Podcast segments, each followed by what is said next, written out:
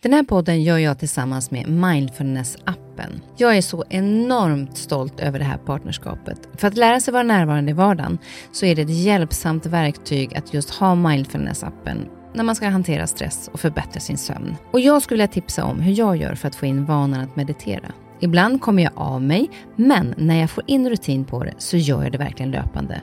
Och det jag gör då, det är att jag mediterar samma tid och på samma plats varje dag. Börja hellre med någon minut varje dag istället för en längre stund och kom in i rutinen och öka sen därefter längden på meditationen.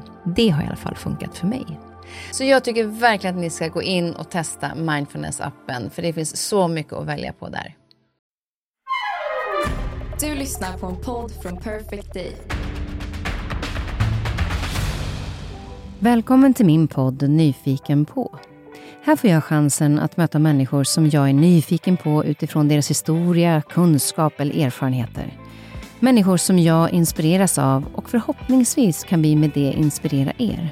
Och om ni gillar avsnittet får ni jättegärna dela det så fler får chansen att lyssna och det ger mig också möjligheten att få spridning på podden så att jag kan fortsätta länge att bjuda in människor till roliga och intressanta samtal.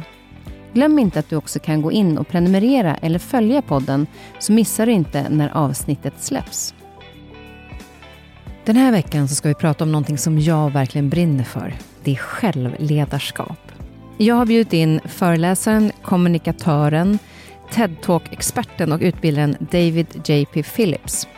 Efter att han jobbade som projektledare inom kommunikation och affärsutveckling så bestämde sig David för att säga upp sig och 2009 så startade han ett eget företag för att själv kunna ha sina egna utbildningar och föreläsningar. Både fysiskt och också online inom kommunikation. Grunden till det han utbildar i är biologi och neurologi, hur det påverkar våra känslor och därmed möten med andra. Vi kommer prata en hel del om kommunikation, både i jobbet och privat, men också om depression och utbrändhet som David har drabbats av själv. Som han via självledarskap och att han testade massor med olika verktyg så tog han sig ur det.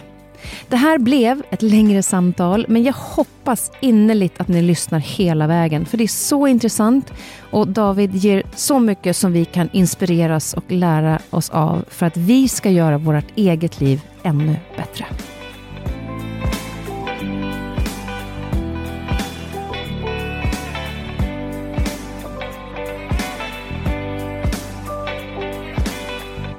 Välkommen David.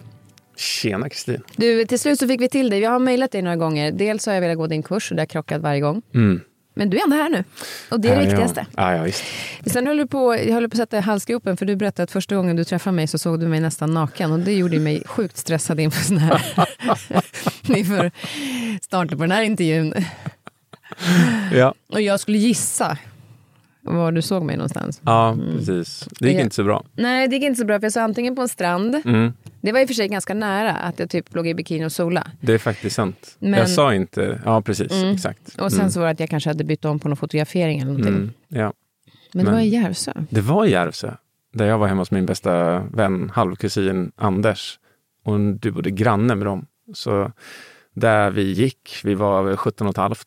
Och så gick vi förbi deras vardagsrum, tittade ut genom fönstret och där ligger du semipåklädd. Det var, kan, kan ha varit en av de bättre dagarna i Järvsö. Jag, jag var mest orolig för att jag hade skapat någon så här trauman eller någonting. Nej. Eh, men du, jag vet att ditt eh, schema är späckat, därför är jag så extremt glad att du eh, har haft möjlighet att komma hit. Eh, du gör väldigt mycket olika saker. Det är kurser och det är TED-talk som har blivit extremt populärt, framförallt ute i världen. Mhm.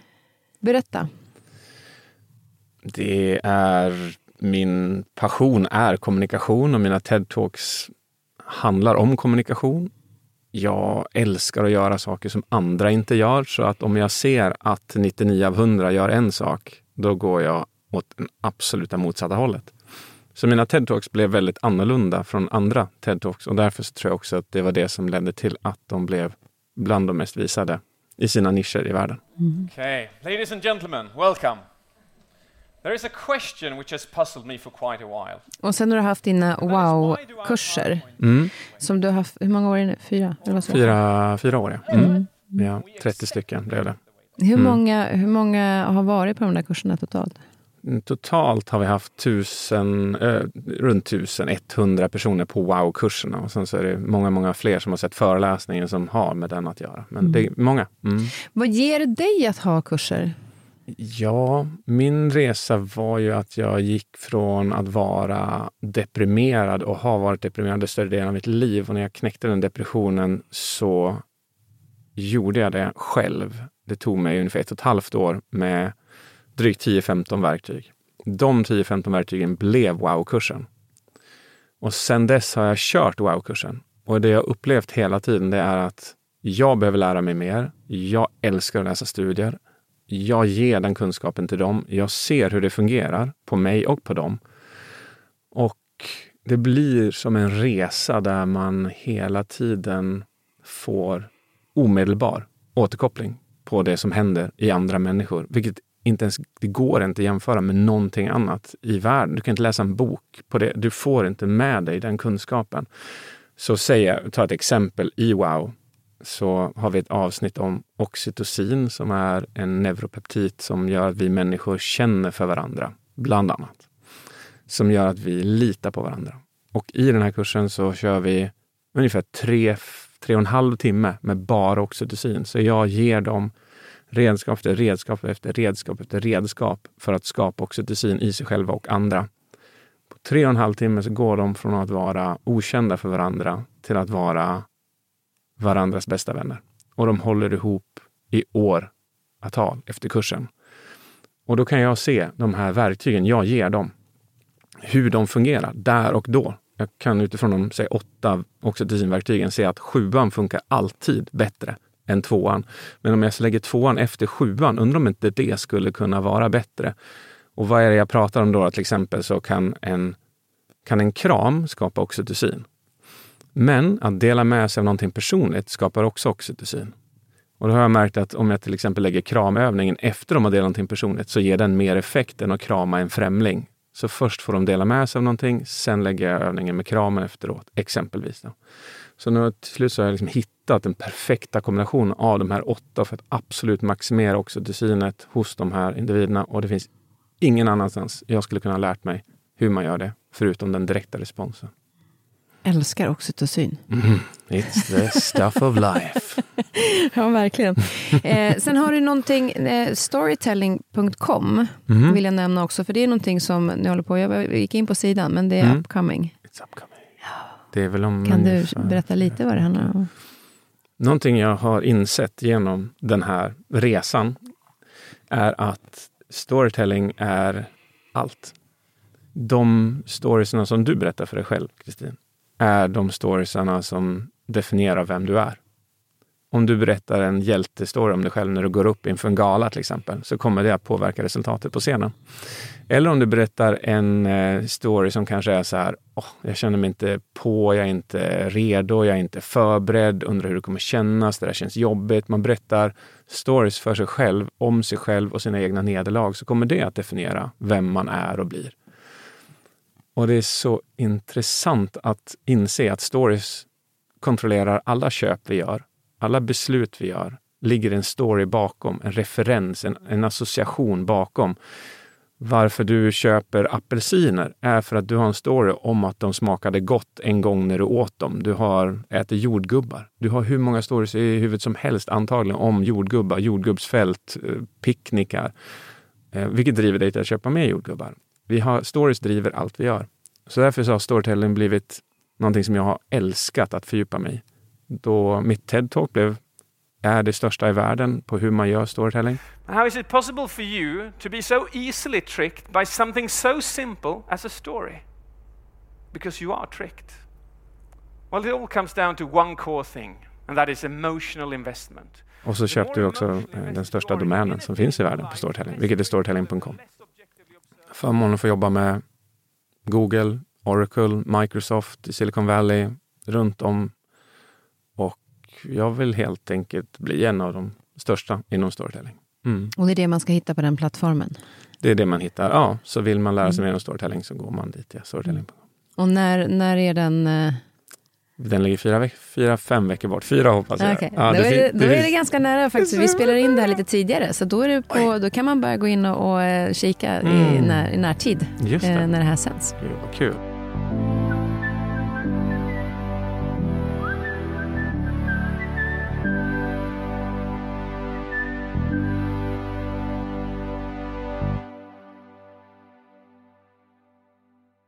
Du, vi ska ta lite grann om din bakgrund, Mm. eh, som jag tycker är väldigt härligt också när du pratar om dina föräldrar.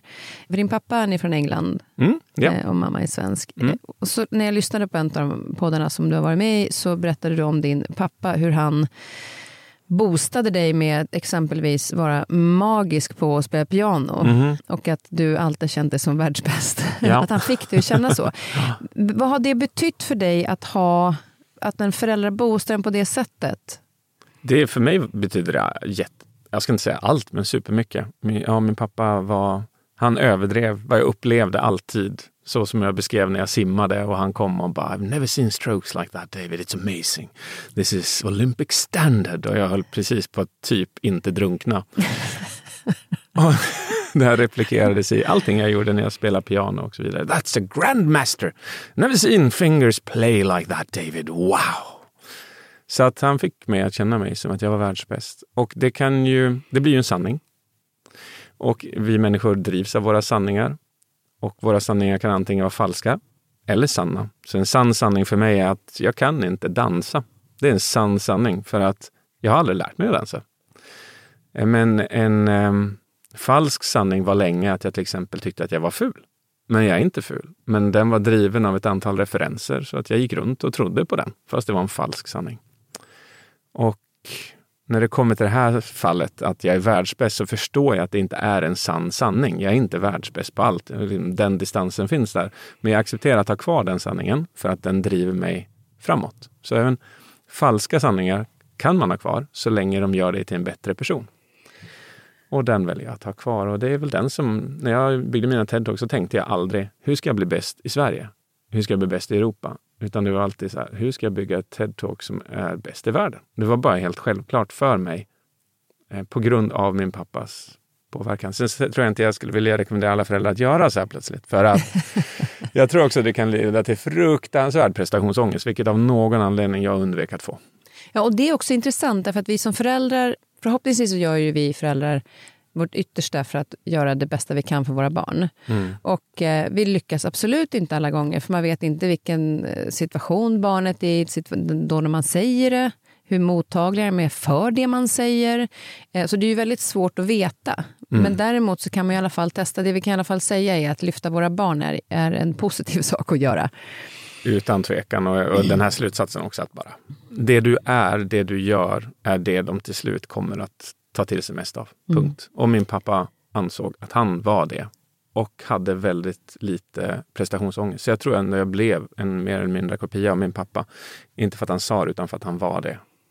Han hade också samma falska sanning, med andra ord.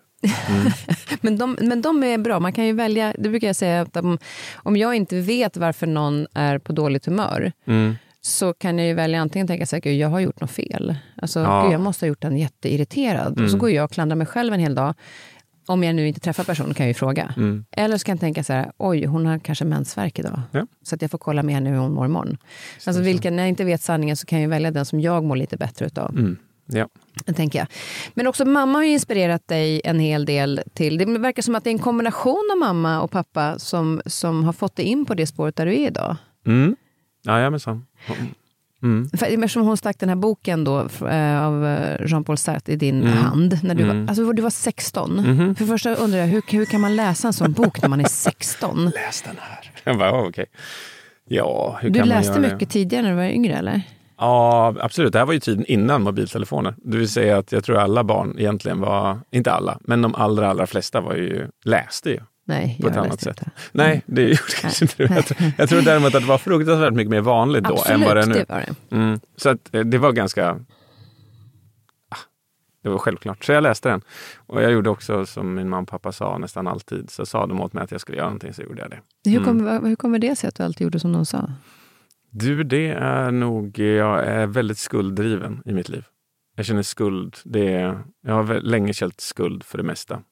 i mitt liv. Jag har svårt att veta exakt vart den kommer ifrån. Jag, det är egentligen inte heller poängen. Eh, jag brukar inte rota i vart mina utmaningar kommer ifrån utan jag brukar bara lösa dem.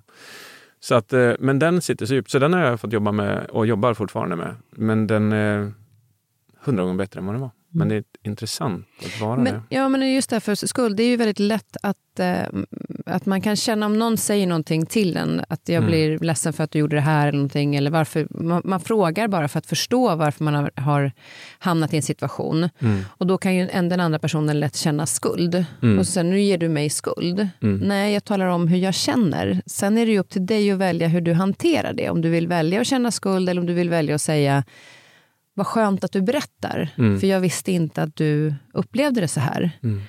Vad, vad tror du liksom ofta det här med skulden kommer för? Att du vet inte själv var, var det ligger i hos dig. Men varför tror du att skuld är så utbrett? För jag vet många som har pratat om att de känner skuld. Ja, precis. Alltså, jag, jag, jag kan tänka mig att jag säger inte att det är så här, men det, det, det, min, min bakgrund skulle kunna vara sån här att när jag var 18 och ett halvt och- hade mitt första jobb i Järvsö på Datasvar så skällde min chef på mig. Och då insåg jag att det var första gången någon någonsin har skällt på mig i hela mitt liv. Eh, och någonstans därifrån så inser jag också att min pappa nog ofta hade ett skuld som ett sätt att uppfostra mig. Inte att skälla på mig, inte att vara arg på mig, utan att visa missnöje. Och därför så tror jag att för min del så blev det nog så. Så det är väl en sån här grej som jag liksom ändå har reflekterat över. Och det kanske är därför som, när man är förälder så är det ju ett sätt att uppfostra sina barn är, kan vara att visa missnöje och inte uttrycka det. Och då uppstår en känsla av skuld. För man förstår inte riktigt vad, vad det är för fel man har gjort och det finns ingen tydlig kommunikation i det. Men du, det här är intressant. Jag lev, lever efter en tes som är så här att allt händer av en anledning. Och jag förstår att det är en falsk sanning, men det gör mig till en bättre person och därför så väljer jag att leva efter den. Eh, och då kan man titta på ett av mina TED-talks handlade om att jag analyserade talare, 5000 presentatörer i sju år för att identifiera 110 sätt vi kommunicerar på. Seven years ago, I embarked on a journey to analyze 5,000 public speakers from all over the world, amateurs and professionals, in order to distill and understand what makes a good speaker good. Och så jag, jag kan titta på vilken person som helst och så kan jag bryta ner hela deras kommunikativa sätt i 110 olika block. Så till exempel just nu så tittar du på mig och du nickar instämmande och du har huvudet lutat till vänster, vilket innebär att du uppfyller teknik 62 och 65. Det innebär att du visar ett större empatiskt intryck än om du hade haft huvudet rakt och inte nickat till mig. Så det är jättebra att du som poddintervjuare gör det, för då visar du genuint intresse för det jag säger. Eh, så att allt kan brytas ner med 110 teknikerna och då kan man fråga sig hur, varför gjorde jag det här? Och vart kom det ifrån? Och då kom det en studie för bara tre år sedan som visade att personer som känner skuld är bättre på att analysera kroppsspråk och icke-verbala signaler än personer som inte känner det. Och det var en stor skillnad. Så på grund av, eller tack vare då, den eventuella uppfostringstekniken som gör att jag känt skuld så har jag blivit en av eh, en- av de bättre i, i världen på kommunikation. Och lagt den här tiden och gjort de här TED-talksen utifrån att jag helt enkelt, ja, på grund av skulden, har blivit bättre på att analysera present, eh, presentationer och kommunikation hos människor. Men tror du då att vi hade blivit bättre på att kommunicera kommunicera eller hade känt mindre skuld om vi hade lärt oss kommunicera verbalt istället för att uttrycka det i liksom om en förälder blir besviken och suckar till exempel eller ah, Mm. gör alltså, mera uttryck i kroppsspråk Mm. så får man gissa sig fram. Mm. Om vi hade kommunicerat bättre med våra barn Mm. om saker som vi känner och upplever och tycker Mm. hade vi då kanske upplevt mindre skuld, tror du? Gud ja. Absolut, tveklöst. Definitivt. Jösses. När jag inledde min föreläsning om kommunikation så säger jag att välkommen till världens, utan tvekan, absolut viktigaste ämne. Det finns inget ämne i hela ditt liv som du kan studera som är viktigare än din förmåga eller oförmåga att kommunicera. För kan du kommunicera så kommer du ha bättre relation med dina barn, bättre relationer med din man, med din fru, med din partner. Du kommer att få en bättre karriär. Du kommer att må bättre psykologiskt. Du kommer att få fler vänner och djupare vänskaper.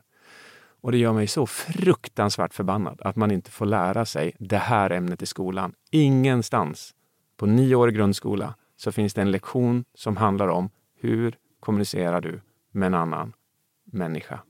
Vi har EQ-lektioner nu, absolut. Så vi är ju på rätt väg. Men i den takten som vi snurrar så kommer det ta 500 år innan mm. vi får, får, får med det viktigaste ämnet i vårt liv, vilket är galet. Mm. Ja, det, jag tänker så här, man kan gå ut med bästa betyg och så ska man gå på en anställningsintervju och så vet man inte hur man ska presentera sig själv. Man vet mm. inte hur man ska kommunicera. Mm. Däremot så finns det många som kanske inte har bra betyg men mm. har, tänker utanför boxen och liksom pratar, mm. kan prata för sig. Mm. Som då nästan mer har chansen att få ett jobb mm. för att de kan kommunicera vem de är och vad de vill och sina mål och, och drivkrafter.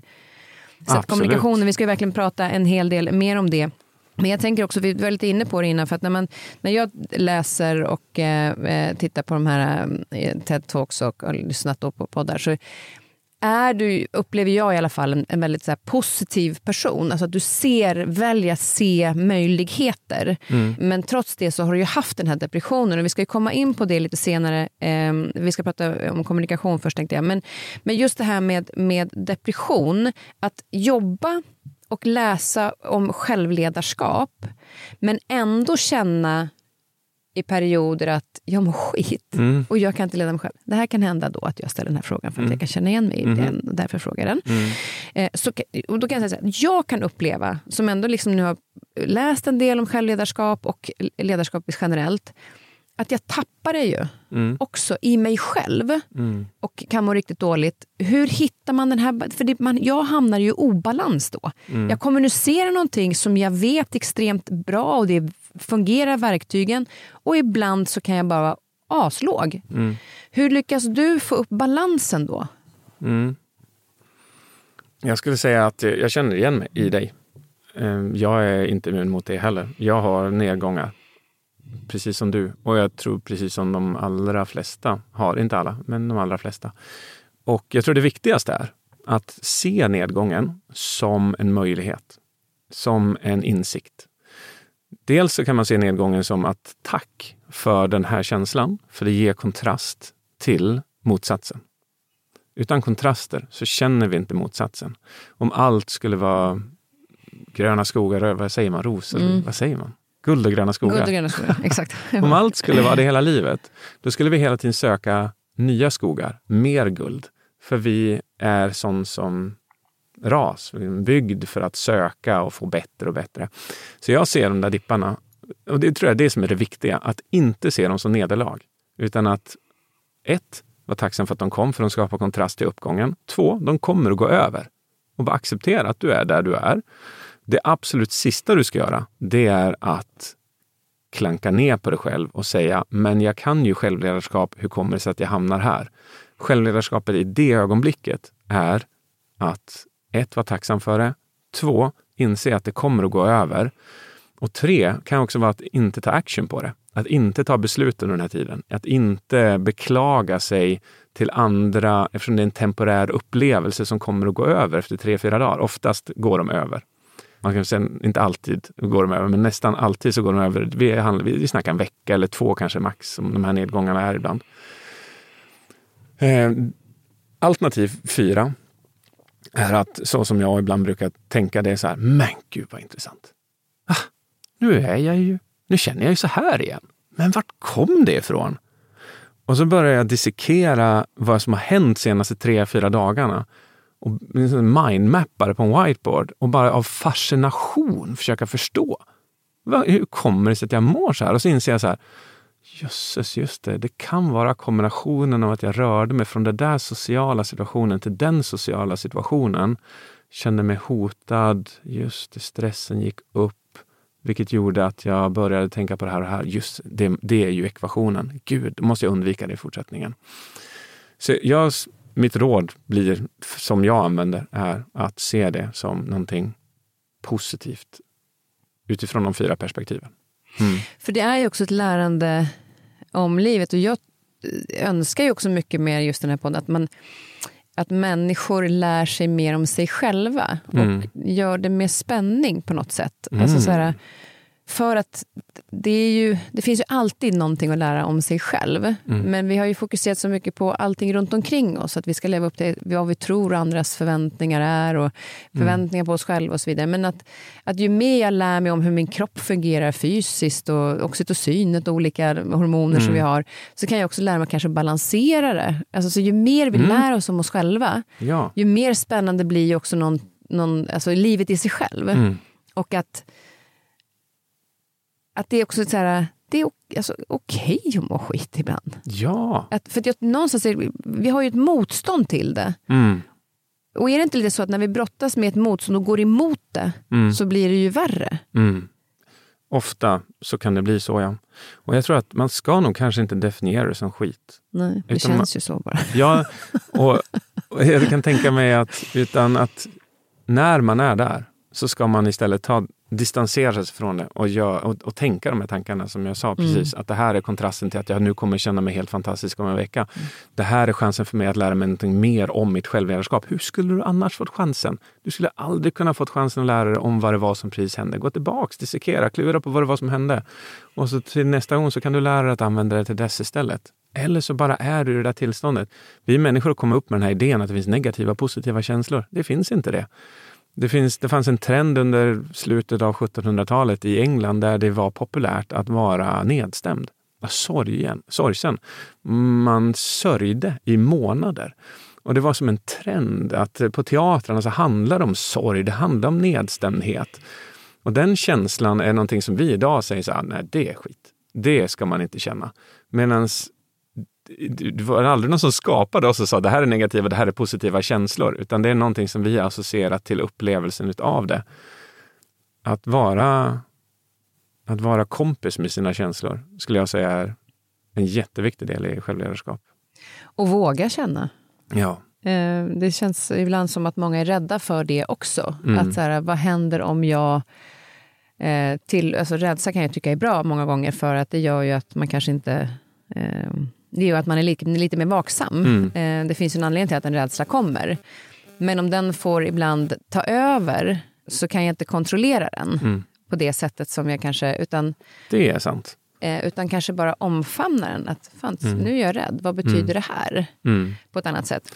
Just det, vad betyder det här? Jag vill bara lägga till en till Mm. sak. Jag vill att du vill gå, vill gå vidare där. Men eh, en sak som jag upplevde var superviktig för mig i min eh, depression och efter depressionen är att att eh, det här tenderar att eh, få ett momentum som inte är så bra. Så säg så här att det är måndag. Du känner dig som du inte vill känna dig. Du känner dig låg. Mm, det är en, inte en negativ eller skitkänsla, men det är en låg känsla. Du känner inte energi, du känner inte passion, du känner inte driv.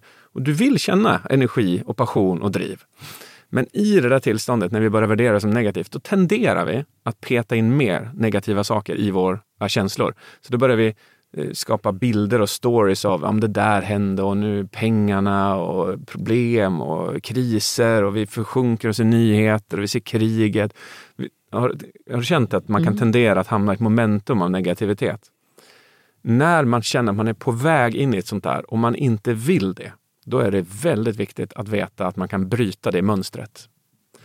Och vad, vad, vad att bryta ett mönster betyder är att du, du bryter hjärnans chans att repetera, att cykla den här tanken. Så säg att tanken är byggd på att kommer mina pengar att räcka? Och du säger det till dig själv över hela, hela tiden, om och om igen, så kommer det skapa ett momentum av negativitet. Och istället så fort din hjärna tänker så här, kommer mina pengar att räcka? Så gör du så här, kommer mina bryt, kommer mina bryt, kommer mina bryt. Så du bryter tanken precis innan den får fullföljas. Då kommer din hjärna att uppfatta att det inte är lika viktigt att tänka den tanken. Så fort man tänker en tanke mycket så kommer din hjärna prioritera det som, åh, det här är superviktigt. Som att någon ger dig feedback och säger, du har stor näsa. Och då bara, va? Har jag stor näsa? Jag har stor näsa. Jag har jättestor näsa. Och så börjar man titta sig i spegeln. Jag har ju stor näsa. Gud, varför har ingen sagt åt mig att jag har en stor näsa? Jag har en jättestor näsa. Så fort man tänker att man har stor näsa hundra gånger så kommer hjärnan uppfatta det. Men det här måste ju vara superviktigt det här med stor näsa. Nu tänker vi det hundra gånger till.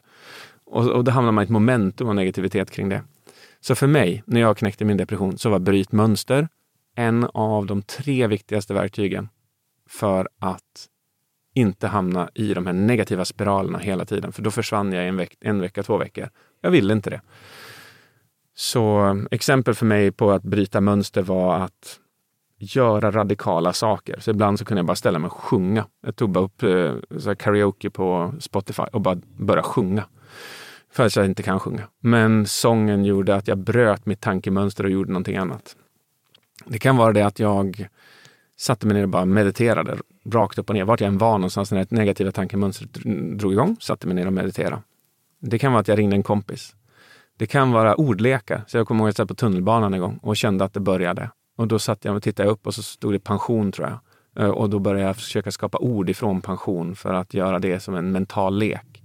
Så fort du inte tillåter din hjärna att fullfölja en loop så kommer den att inte tycka det är lika intressant längre. Så för mig var det jätteviktigt.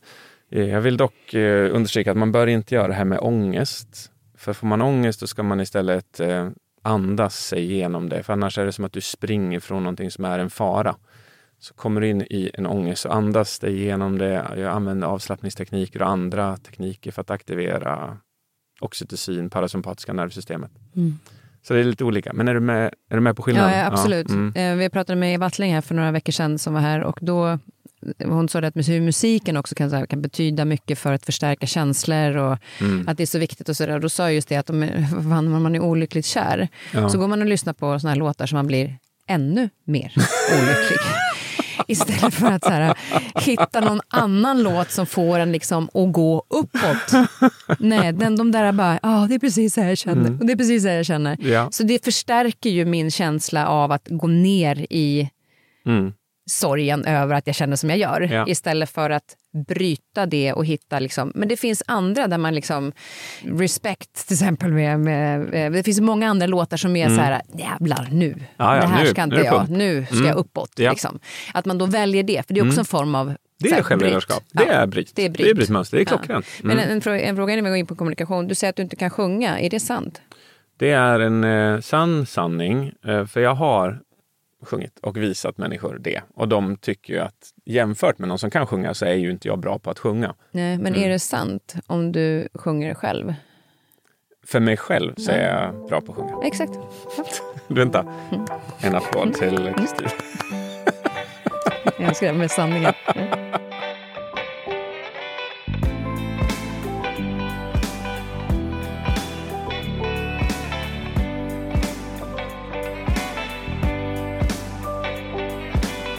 Vi ska prata lite grann om kommunikation och ehm, eh, som är då ett fantastiskt eh, ämne och så viktigt som vi varit inne på. Vad är eh, skulle säga, grunden för en bra kommunikation? Wow, den frågan. Den tror jag inte jag har fått någon förut. Det var jättespännande. Jag har hur många svar som helst på den. En grund i kommunikation, ett är ju att vara ärlig. En annan är att säga det man faktiskt känner. Det finns en intressant grej som jag insåg när jag eh, studerade de här 5000 talarna. Det är att vi människor har någonting som heter synkronicitet. Som går ut på att vi har fem lager av kommunikation. Det vi säger, hur vi säger det, eh, vilka gester vi använder, vilket kroppsspråk vi använder och din mimik. Och när alla de här fem säger samma sak, då är budskapet vi skickar ut autentiskt. Eh, och bästa jag kan beskriva det som är att du kommer in i ett rum och sen så träffar det är någon annan person på andra sidan och du bara får en vibb. Har du varit med om det någon gång? Så att mm. det här känns inte rätt. Mm. Mm. Och så börjar du prata med dem. Du känner direkt att det är, det är någonting som inte är rätt. Samtidigt så har du säkert mött människor som du bara... Oh, jag känner som jag har känt dig hur länge som helst. Har du varit där? Mm. mm. Och tittar man på de här personerna så kan man mm, nästan helt garanterat säga att den här första personen kanske bara hade två eller tre av de här lagren. Sen var två i osynk. Det vill säga det de sa hängde ihop med hur de sa det. Och det hängde ihop med deras mimik. Men det hängde inte ihop med deras gester och inte deras kroppsspråk. Och så fort det blir, finns en osynk i de här fem så kan vi människor tendera att hmm, det är någonting som inte känns helt rätt. Medan den här personen som du bara kände att den har jag känt hela mitt liv skulle med all säkerhet vara synkat i alla de här fem lagren också. Och det skulle jag då säga, hur, hur, hur uppnår man det? Hur blir man synkad i alla fem? Ja, man är autentisk, man är ärlig, man talar från hur man känner i det här läget.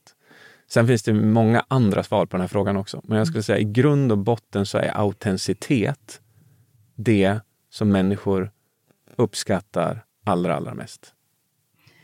Men för att kommunicera eh, och nå fram med det man vill så behöver man ju också fånga den som man kommunicerar till. Mhm. Säg att jag då är, kommer in på jobbet och eh, har en kollega som jag behöver prata med eh, och kommunicera och är ärlig och säga att det kanske är liksom en jobbig situation att ta tag i. Men jag vill kommunicera när jag vill vara ärlig. Och den personen inte heller är mottaglig för det då.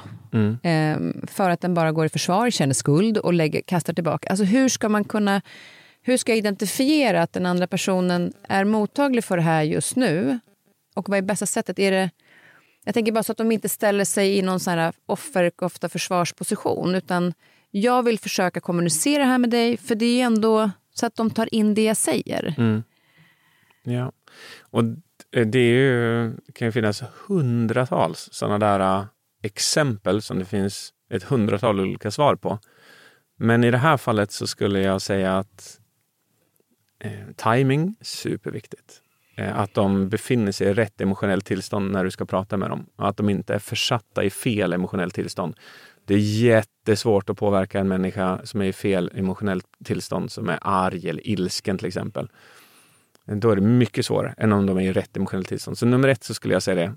Timing och välj rätt emotionellt tillstånd så mycket som möjligt som du vet att den här människan kan vara påverkad. Om du tar mm, snacket måndag eller fredag kan göra jättestor skillnad. Om du tar snacket morgon eller eftermiddagen kan göra jättestor skillnad.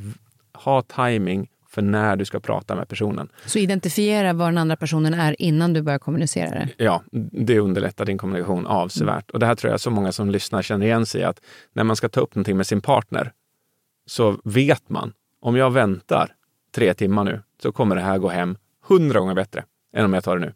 Eller hur? Mm. Ja. Så timing skulle jag säga är nummer ett i det här läget. Och sen i nummer två, jag skulle säga att få personen att beskriva sin egen upplevelse av situationen men både ur ett positivt och ett lärande perspektiv.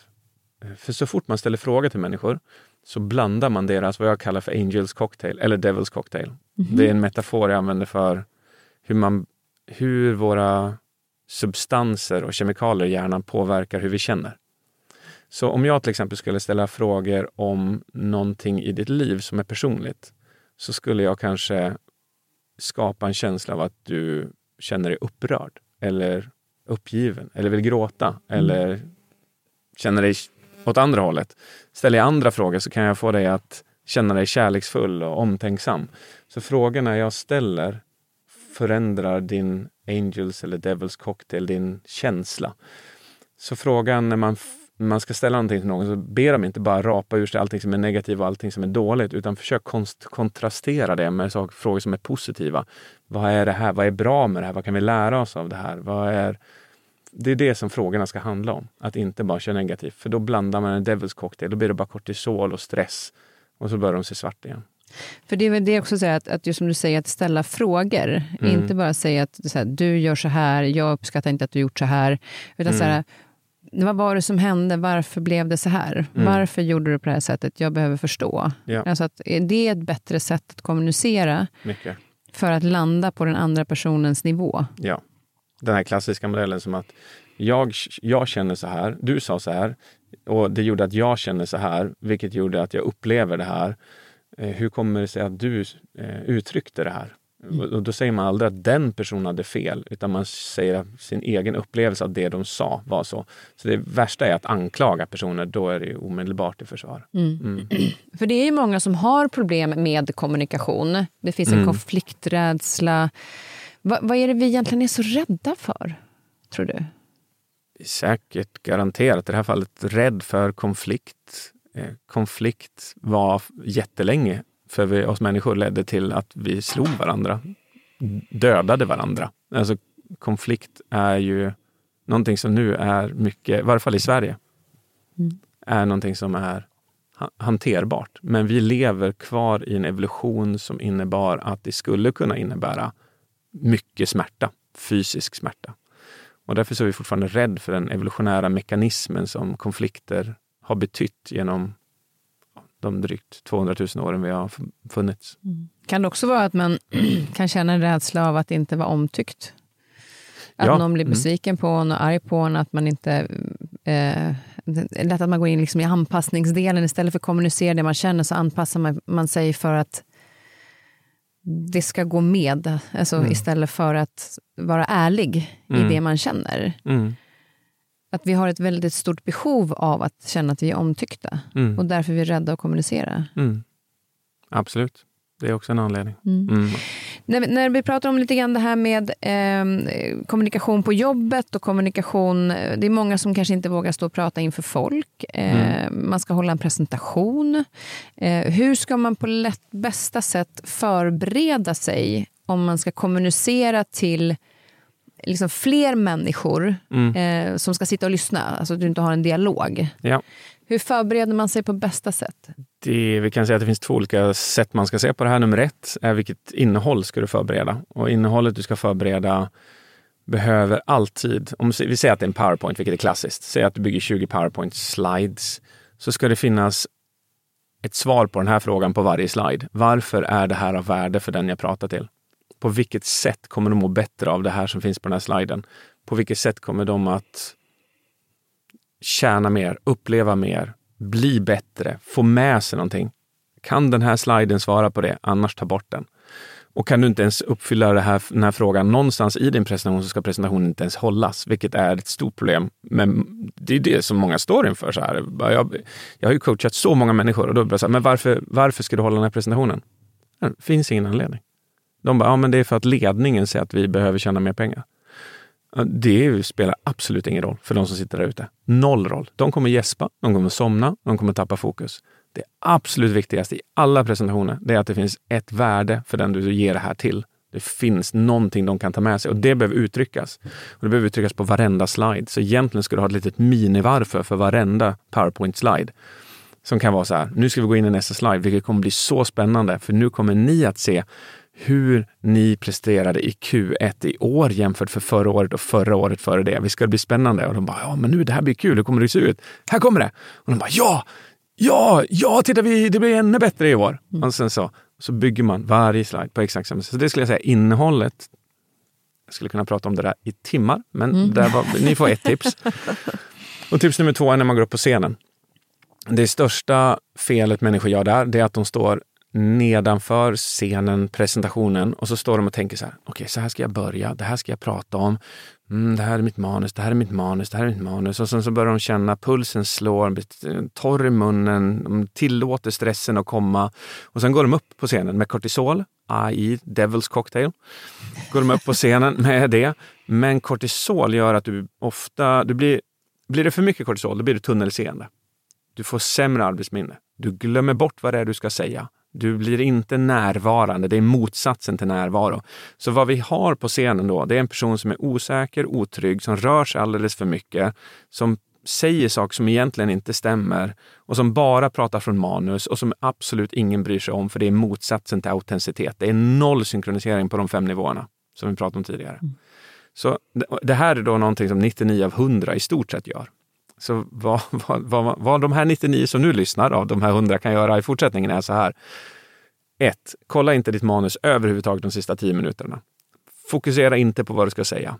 Spendera de sista 10 minuterna till att sätta dig själv i det mentala tillståndet som du vet att du är allra bäst i.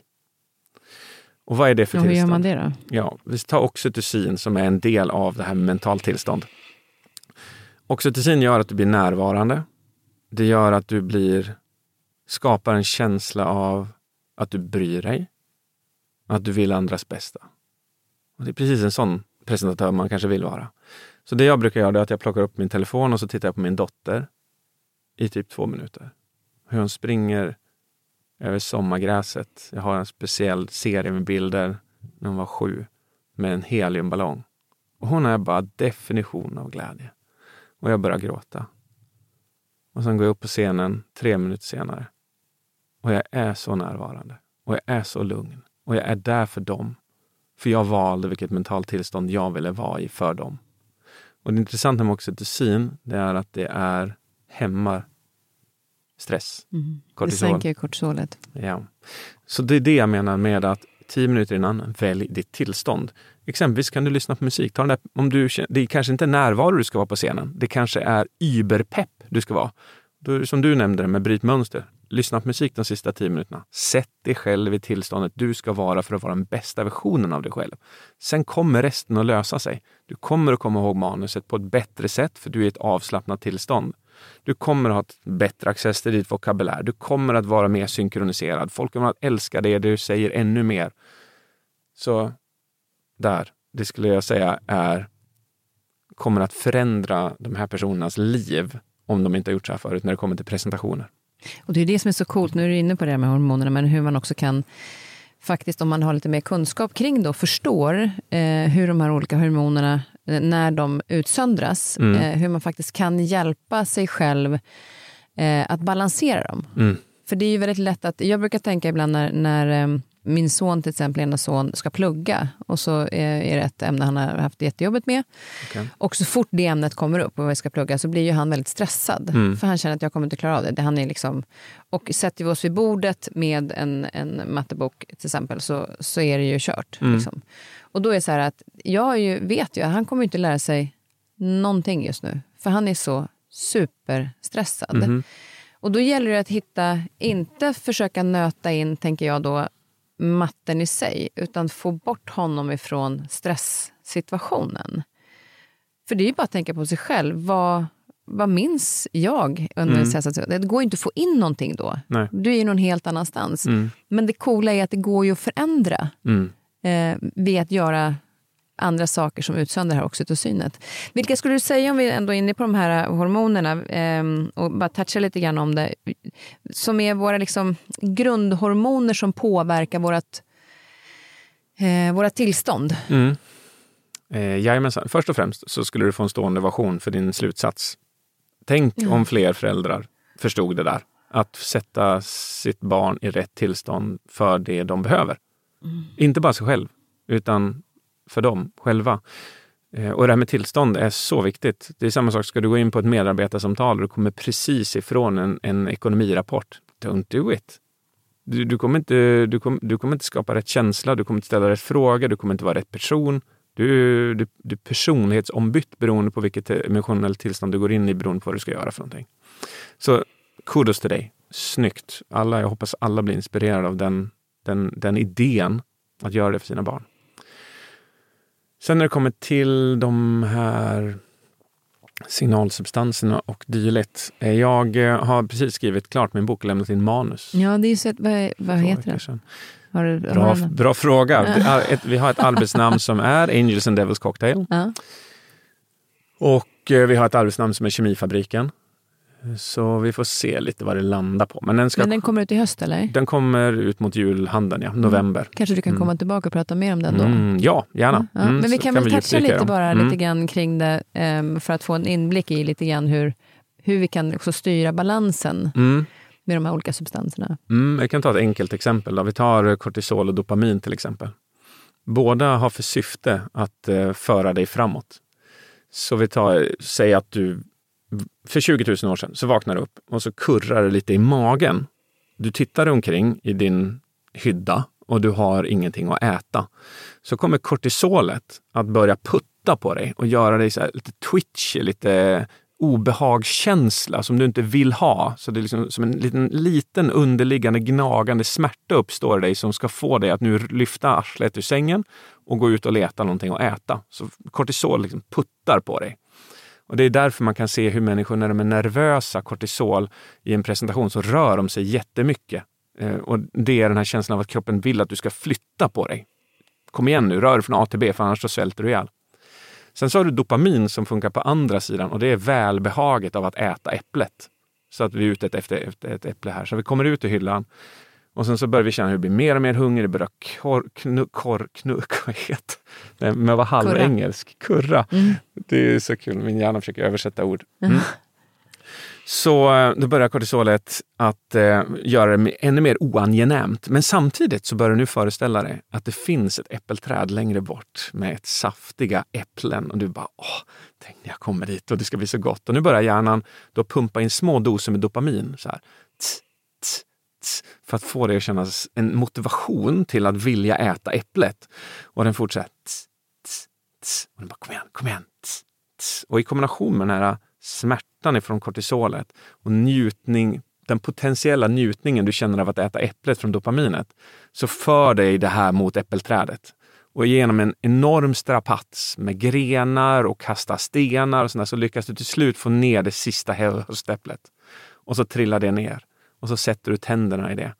Och i det läget så går kortisolet ner och det frigörs en cocktail i ditt blod som är en känsla av ah. Och det är processen av kortisol och dopamin. Men det som då blir intressant är om vi tar det här till våran värld och så drivs vi antingen av smärta eller njutning, precis som det är kortisol och dopamin. Och varje gång du säger jag måste till dig själv så drivs du av kortisol, smärta. Jag måste diska. Då drivs du av smärtan av hur kommer mina vänner tycka när de ser att det är så stökigt? Vad kommer min pojkvän, min flickvän att tycka när det är så stökigt? Eh, någonting, det finns en smärta i det och därför så säger man jag måste göra så här. Och då drivs man av kortisol. Och det är okej, okay, men vi, som vi alla vet så för mycket kortisol för länge är det mest destruktiva en människa kan göra mot sig själv. Punkt. I det här livet. Mm. Väldigt få saker som är mer destruktiv än kroniskt kortisol. Äh, droger, absolut, och självskadebeteenden, definitivt. Men ett av dem i alla fall. Men då tänker vi så här. Jag vill diska. Men bara att säga det till sig själv skapar inte dopamin. Utan när du väl har valt jag vill med en faktisk motivering, då kommer det kännas bra att diska. Så man får inte glömma motiveringen? Oh nej, det är allt för dopaminet. Jag vill spelar ingen roll, men jag vill plus en motivering som faktiskt känns spelar all roll. Och då kan det vara i stil med att du känner, du kan skapa en bild framför dig av hur fint det kommer vara, hur skönt det kommer vara, hur rent det kommer vara, hur stolt du kommer vara över dig själv. Du skapar den här bilden, du skapar den här känslan och den blir tillräckligt stark för att jag vill ska kännas på riktigt.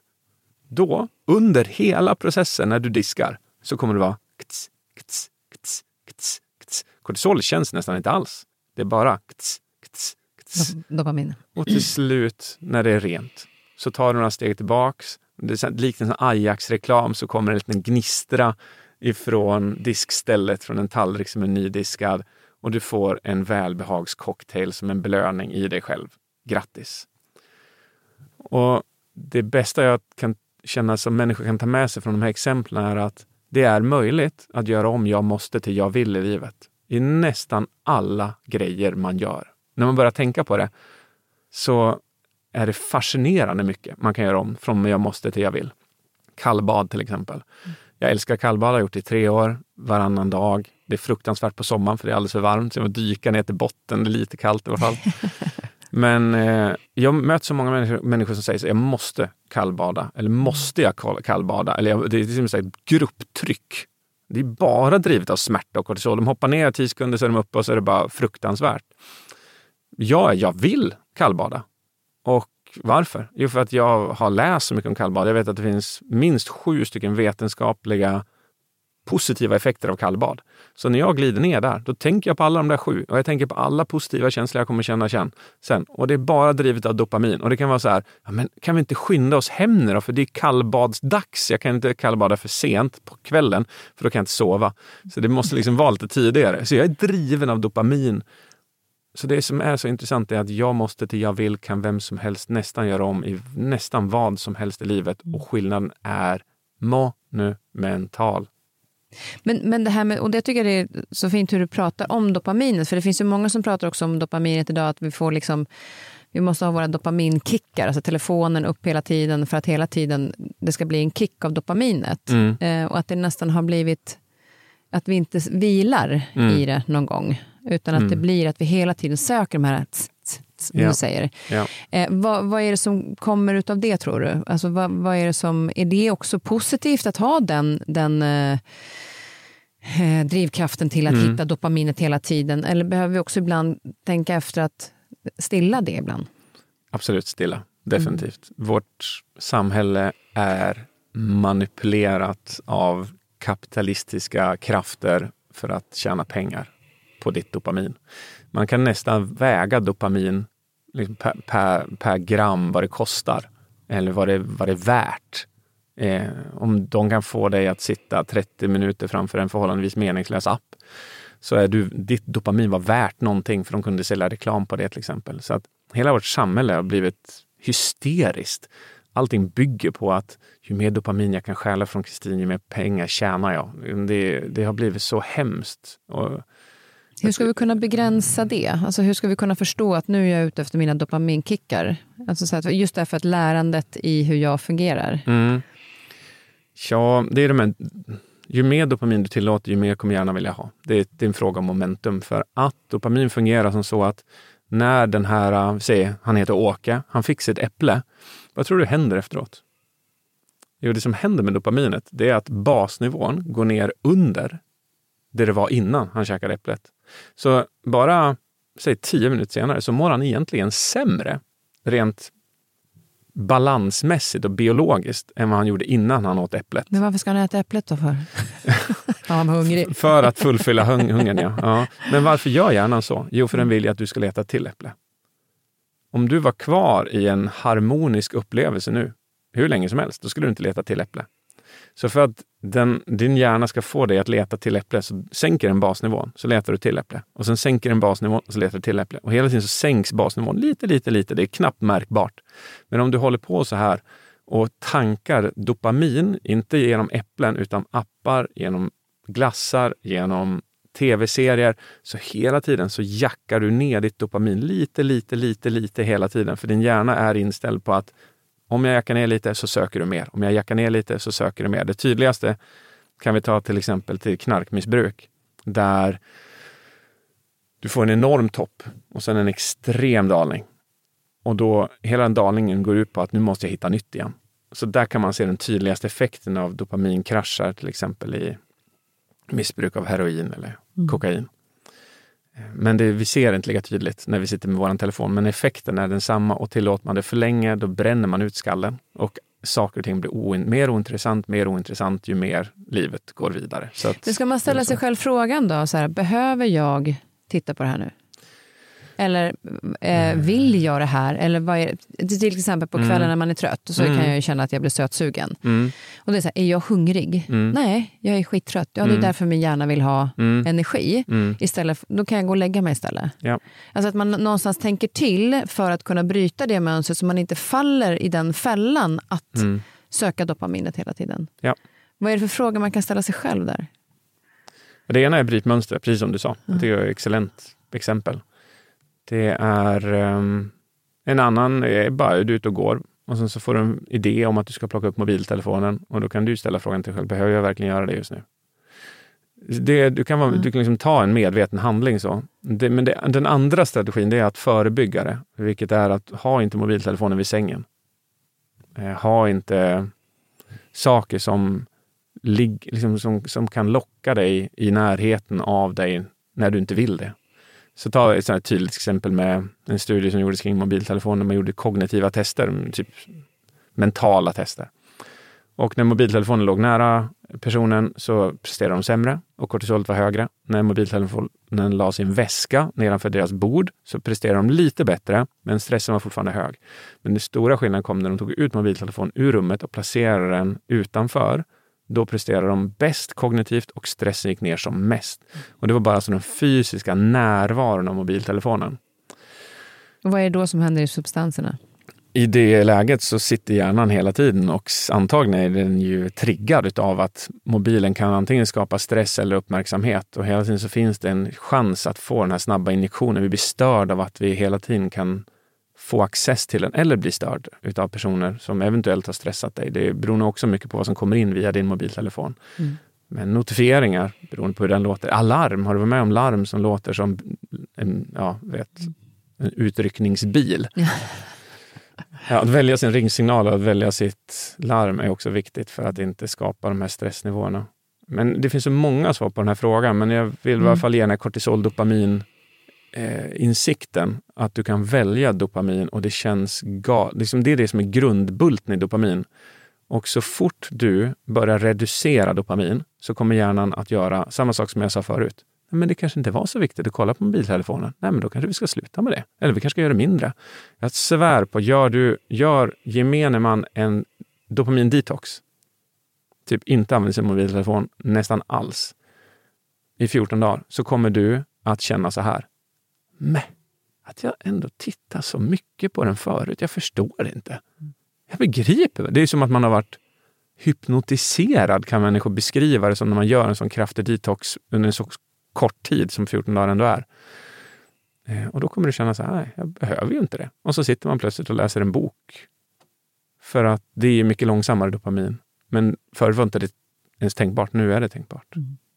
Och sen också tycker jag det här med oxytocin som vi var inne på ibland när om man är stressad till exempel för att få ner kortisolet. Mm. Att, eh, jag tänkte på det för någon vecka sedan när jag var, blev stressad och liksom tänkte jag måste ta det här på en gång och jag blev så irriterad. Och så tänkte jag bara att nej, nej, nej, marinera en stund brukar jag tänka. Snyggt! Tanken. Men då gick jag in och tog en dusch, ah. eh, en varm dusch bara mm. och stod en stund. För jag mm. vet att värmen utsöndrar ju Mm. Den känslan utsöndrar oxytocinet ja. för att sänka mitt kortisol så att jag skulle ta ett beslut senare. Och, grejen är det, men, och nu har vi pratat om liksom hjärnan en del här i, så att jag har ju lärt mig en del via podden. Mm. Eh, men det, och det är det som är så sjukt spännande för när man fattar att det funkar. ja. alltså, jag blir ju så ja. lycklig över så här efteråt bara var det där ett så stort problem? Mm. Nej, mm. det var det inte. Vilken jäkla tur att jag inte svarade på det där smset. Där har du Alltså den är så mm. jäkla cool. Mm. Att bli lite nyfiken på vad händer om jag gör någonting annat istället för att agera i den här stresssituationen. Ja. För vi har ju en förmåga ja. att agera så snabbt när vi blir irriterade. Mm. Alltså, titta på mobiltelefonen. Sen, ibland, man får till exempel, tycker jag det är intressant med sms, om du får ett sms som du blir jävligt irriterad över mm. och säger att jag går och tar en varm så går jag tillbaka och läser det då. Mm. Då var det faktiskt inte så farligt. Nej, eller hur? Det är ditt emotionella tillstånd som definierar om det är ja. illa eller inte, eller bra. Eller, ja, det där är jättebra exempel. Och det, det där är... Alltså, om du skulle ha frågat mig någon gång under den här podden vad min definition av självledarskap är, så är det så här. Att kunna välja din känsla och hur du vill känna när du vill känna det. Mm. Punkt. Ja, det är det som är självledarskap för mig. För känslor driver så mycket.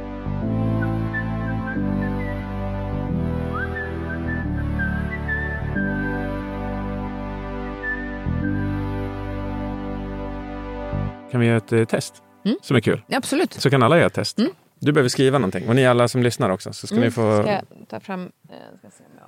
ska ni få göra något coolt. Ska jag hitta en penna? För övrigt så står det en tallrik här med blåbär och hallon och björnbär som bara doftar som man går av. Man får inte, man får inte äta det under podden va? Jo, du får äta hur mycket du vill. Det är till för att du ska äta det. Smaska. Japp. Okej, okay. så du Kristin och ni som sitter där eh, och lyssnar. Skriv ner tre beslut du har tagit på sista tiden. Tre beslut du har tagit på sista tiden. Och det kan, eh, definition av ett beslut är alltifrån att man har valt viss typ av skor eller att du sitter och lyssnar på den här podden i trädgården eller du sitter och lyssnar på podden i, i bilen. Ja, gud vad svårt det blev nu då. Eh, man tar ju ganska många beslut och ändå är det svårt att komma på vad det är. det är lugnt, de som sitter och lyssnar har också en utmaning. Vi låter det vara tyst i, i tio sekunder. Mm.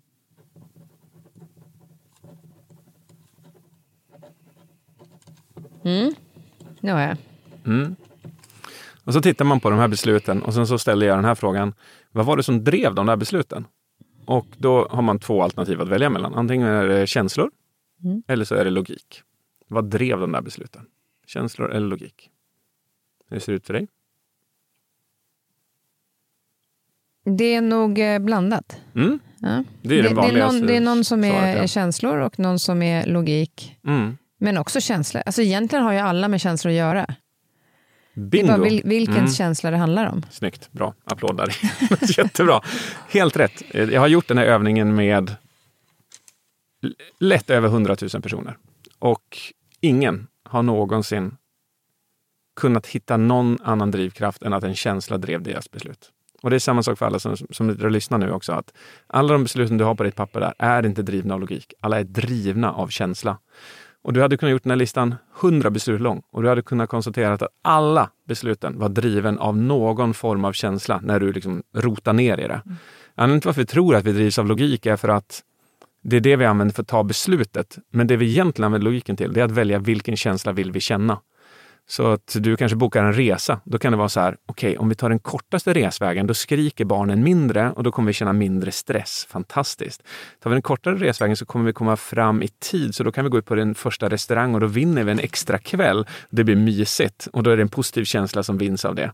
Tar vi den där resan så, så är den 2000 kronor dyrare, vilket gör att vi måste dra in på det där. Men och så, hela tiden så går man och klurar på vilken känsla är det jag egentligen vill känna. Det är vad logiken används till. Mm. Men varför jag vill att vi gör den här övningen är för att det är så viktigt att inse att alla beslut, att svara på ett sms, att köpa någonting, att säga någonting, att uttrycka sig någonting. Alla beslut du tar är drivet av en känsla. Och därför är det viktigaste i livet, det är att lära sig förstå sina känslor. Så att man kan välja känslan som ligger till grund för det du ska göra. Precis som min definition. Det är därför min definition är som den är för självledarskap förmågan att lära sig välja vilken känsla man vill känna när man vill känna det. Men då kan man också säga att det är ju, jag tycker att det är otroligt häftigt att vi pratar om det här med känslor, för det är väldigt många också eh, som under vägens gång täpper till vad man egentligen känner. Mm. För att jag nämnde det förut, att börjar ett barn gråta så vill man inte att det ska bli jobbigt för alla andra runt omkring, så man tystar ner barnet utan kanske krama om det istället och låta mm. den gråta klart. Och det mm. gör att barnet nästa gång tänker att jag får inte gråta för det är jobbigt för andra, så mm. jag vill inte visa vad jag känner. Ja. Alltså att vi lär oss att de här små sakerna, att inte visa vad vi känner, mm. vilket då någonstans är det viktiga, mm. tycker, som vi pratar om. Mm. Men, men då när man kommer till det här med att, att, eh, att depressioner till exempel, som du har varit inne i, eh, vad, vad hamnar man då i för... För där är det många som säger att jag känner ingenting. Mm. Jag är platt. Jag är ja. varken glad, ledsen, eh, mm. känner inte. Ja. Vad är definitionen där? Det är ingen som, du vet vad, det är så märkligt. Det är fortfarande ingen idag som egentligen kan definiera vad en depression är för någonting. Det finns jättemånga olika teorier om vad det är och vissa kan man säga är mer sannolika än andra. Men i grund och botten så är det ju någon form av... Alltså om man ska dra det mot den kemiska teorin så är det att då kan du antingen vara deprimerad i dopamin eller i serotonin eller i eh, noradrenalin. Så det är tre olika typer av depressioner. Vi tar hur känns dopamin? Då är ingenting roligt. Ingenting är lustfyllt. Du har inget driv att göra någonting. Det är dopamin. Så den dagen man vaknar upp och känner så här, alla hobbys jag haft, skittråkigt. Allt vi brukar göra, skittråkigt. Så är det mer sannolikt att det är en dopamindriven depression. Serotonin skulle snarare kännas så här att du känner du känner absolut sorg och absolut ledsamhet. Du känner, du känner mera nyanserade känslor än bara att du inte har driv och lustfylldhet. Så egentligen alla andra känslor kan man klassificera under serotonin som känns att du är, du är, bara, du är bara ledsen utan anledning. Och du förstår inte. Det är bara en tomhet i dig själv. Du förstår inte. Men den tydligaste grejen att skilja de här på är att se att dopamin är mycket enklare att skilja på och det här med driv och ingenting är lustfyllt längre medan serotonin kan klassas som den andra formen av depression. Så vad är då noradrenalin? Ja, när man ser så låga nivåer av noradrenalin att det kan klassas som depression så är det snarare en känsla av att du inte har någon energi till att göra någonting överhuvudtaget. Du orkar inte gå upp ur sängen överhuvudtaget. Sen kan du få en depression på alla tre. Mm. Mm. Det är så va? Mm. Det är helt möjligt. Jag, för min del, så var min depression dopamindriven. Så, men, men, ändå så gjorde du ju så mycket saker. För det var ju inte många år sedan om man tänker på det. För du hade ju en depression väldigt länge. Mm, mm. Insåg du ju sen att du hade haft. Mm. Jag hade den sedan jag var någonstans runt 21. Och det innebär att jag hade den i drygt 16-17 år. De, den första, skulle jag säga 15 åren, kanske 16, var serotonindriven. Alltså jag kände ingen, jag hade väldigt lite känslor för allt som hände i livet.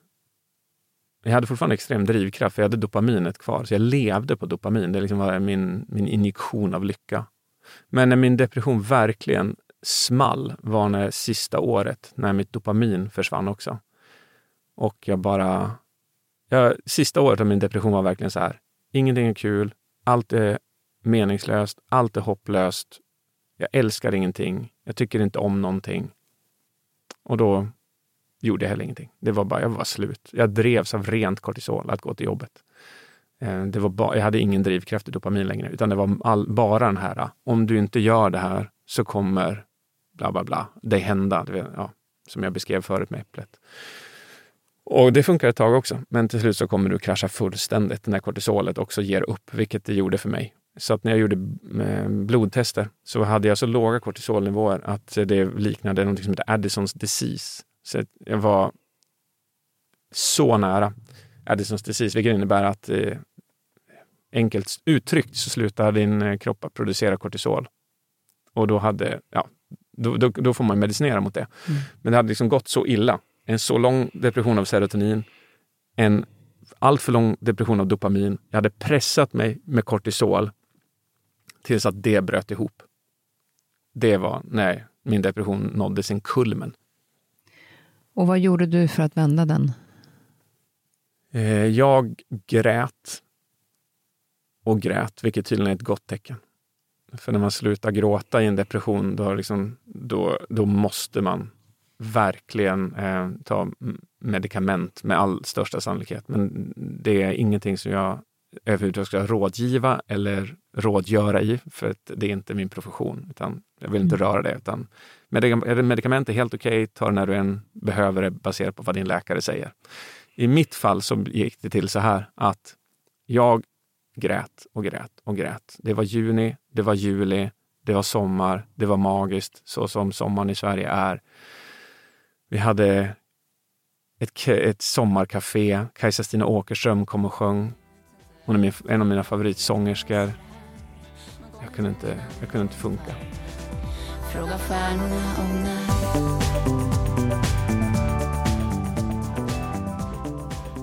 när Min fru kom till mig och så sa hon att du är stressad David. Vi måste lösa det. Eh, och då, det var, det, då gjorde hon så här att hon sa att eh, du eh, får, jag tar hand om barnen, jag tar hand om huset, jag tar hand om kaféet, jag tar hand om bolaget, jag tar hand om ekonomin. Jag löser allt.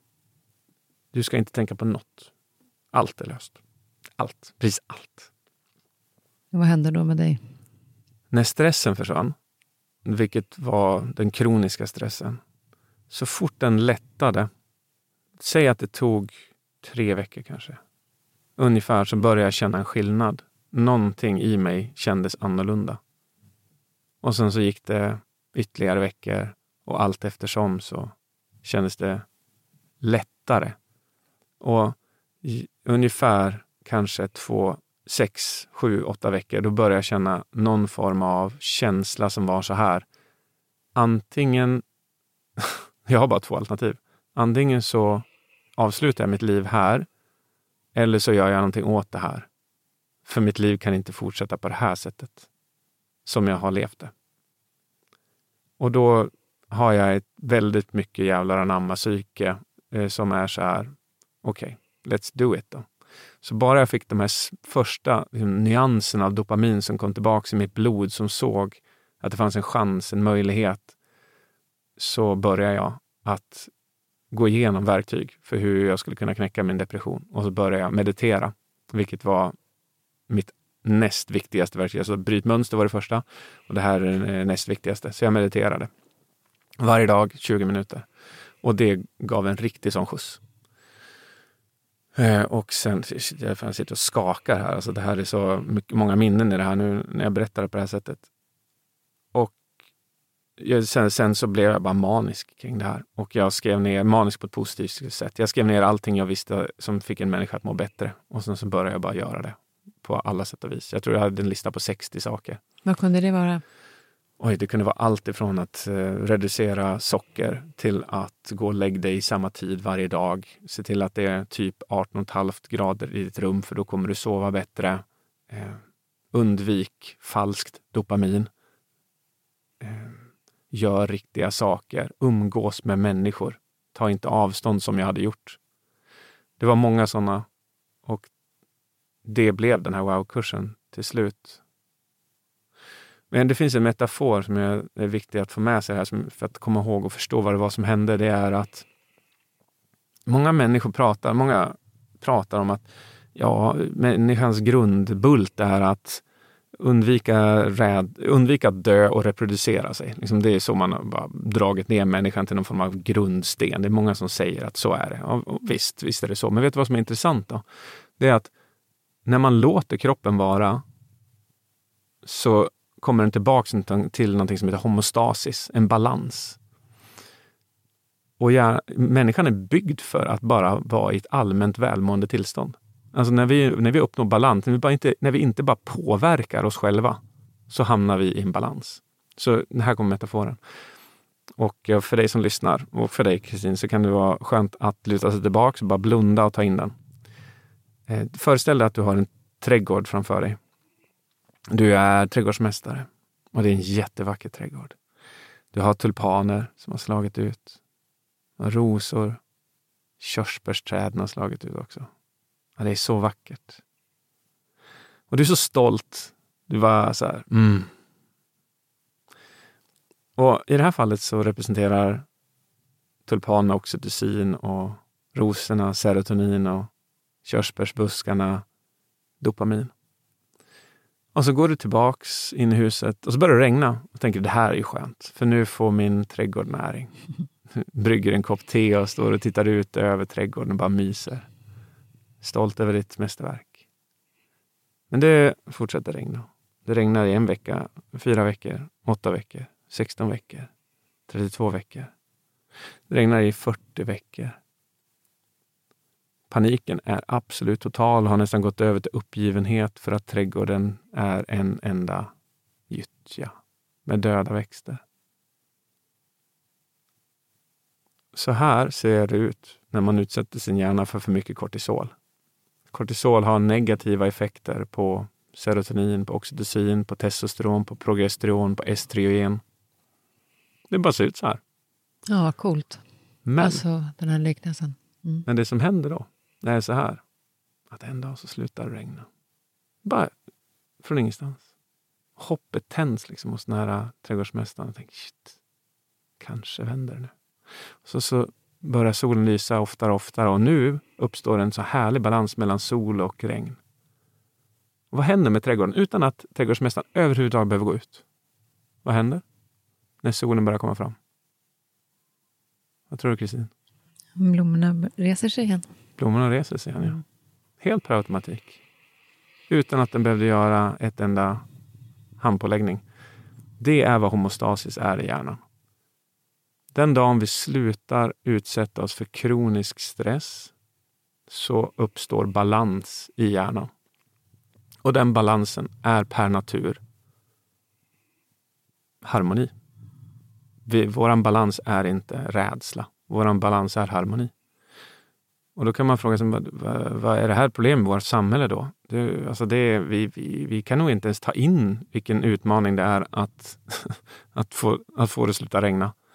Ta bara ett sånt här exempel, du bor i en storstad versus du bor på landet. Så har man konstaterat att, det är jättelustig studie, men i studien med 12 stycken, en studie med 12 stycken fågelläten reducerade kortisolnivåerna hos personer som annars bodde i en stad. Så, och sen bara att bara höra utryckningsfordon. Alltså hela tiden så är det en liten latent stress som kommer från ljud, smällar, for, utryckningsfordon etc. etc. från en stad. Buller kan man bara läsa mängder av studier på hur det påverkar oss negativt. Och så bara där så byggs det på. Och sen så kommer kraven i livet. 8 till 5, man jobbar, det är hög stress, man jämför sig med andra, man går ut på social media, man upplever att man inte uppnått lika mycket som andra, stress, stress, stress.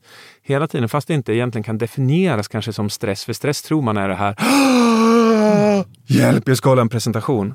Men de här små stressnivåerna, bara att du har kanske någon glutenallergi och så äter du gluten så kommer det skapa inflammation i kroppen vilket skapar stress inombords. Bygger på de här som en kaka och till slut när du har byggt tillräckligt länge, då kanske du känner stressen, men den har redan påverkat dig jättelänge och fått dina hormoner ur balans. Och den dagen man bara, en övning som jag gjorde och gjorde, eh, är någonting jag kallar för kortisolkartan, som jag gör på Wow. Och det är helt enkelt så här, skriv ner allting som du tror stressar dig, eller som du vet stressar dig. Allt. Bara gör en sån map, gör det efter den här podden.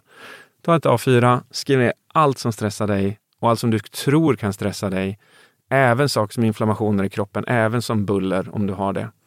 Även som att mobiltelefonen, varje gång du lägger bort den och vill ha den igen och inte hittar den eller varje gång du får en dopamintopp så kommer den att balanseras ut av lite smärta och så vidare. Skriv ner allt. Ta en timme. Sen så gör du bara en enda sak. Reducera och ta bort och fixa. Har du en konflikt med din mamma eller din svärmor, lös den. Har du eh, för taskig marginal i budget, sälj någonting. Flytta någonstans där du kan klara dig bättre. Vad som helst. Bara lös de här sakerna. Din kortisolkarta ska vara tom. Alltså, du ska inte ha några större medvetna stressorer i ditt liv. Alla måsten gör om dem till jag vill. Så flyttar du från kortisol till dopamin. Det skulle jag säga är det absolut enklaste självledarskapstipset. För då återgår hjärnan till en harmoni. Vet du vad som är roligt dock? Det är så här att människor får panik när det regnar i deras trädgård. Vet du vad de gör då? Då är det så här. Det regnar, älskling, vad ska vi göra för någonting? Fast det är inte så de säger till sig själva, utan då gör de så här. Vi, vi köper en ny bil. Vi, vi, vi, vi går på bio. Vi bokar en middag med de där vännerna. Vi åker till Schweiz. Så de hittar på det är egentligen som att man springer ut i en trädgård som redan regnar och planterar nya tulpanlökar, nya rosbuskar och nya körsbärsträd. Men det som kommer att hända bara en vecka senare är att det ihållande regnet tog död på det också. Så fastän det var helt fantastiskt att åka till fjällen så är man tillbaka till samma normalläge som man var precis innan. Det var bara en buske som planterades sen dog på grund av att kortisolet var så konstant hela tiden. Det där ska man göra. Man ska göra de där grejerna. Men man ska inte se det som en lösning på att det är hällregn i skallen. Då behöver man lösa hällregnet först. Sen kan man plantera nya träd, nya buskar mm. och bli trädgårdsmästaren av ett paradis.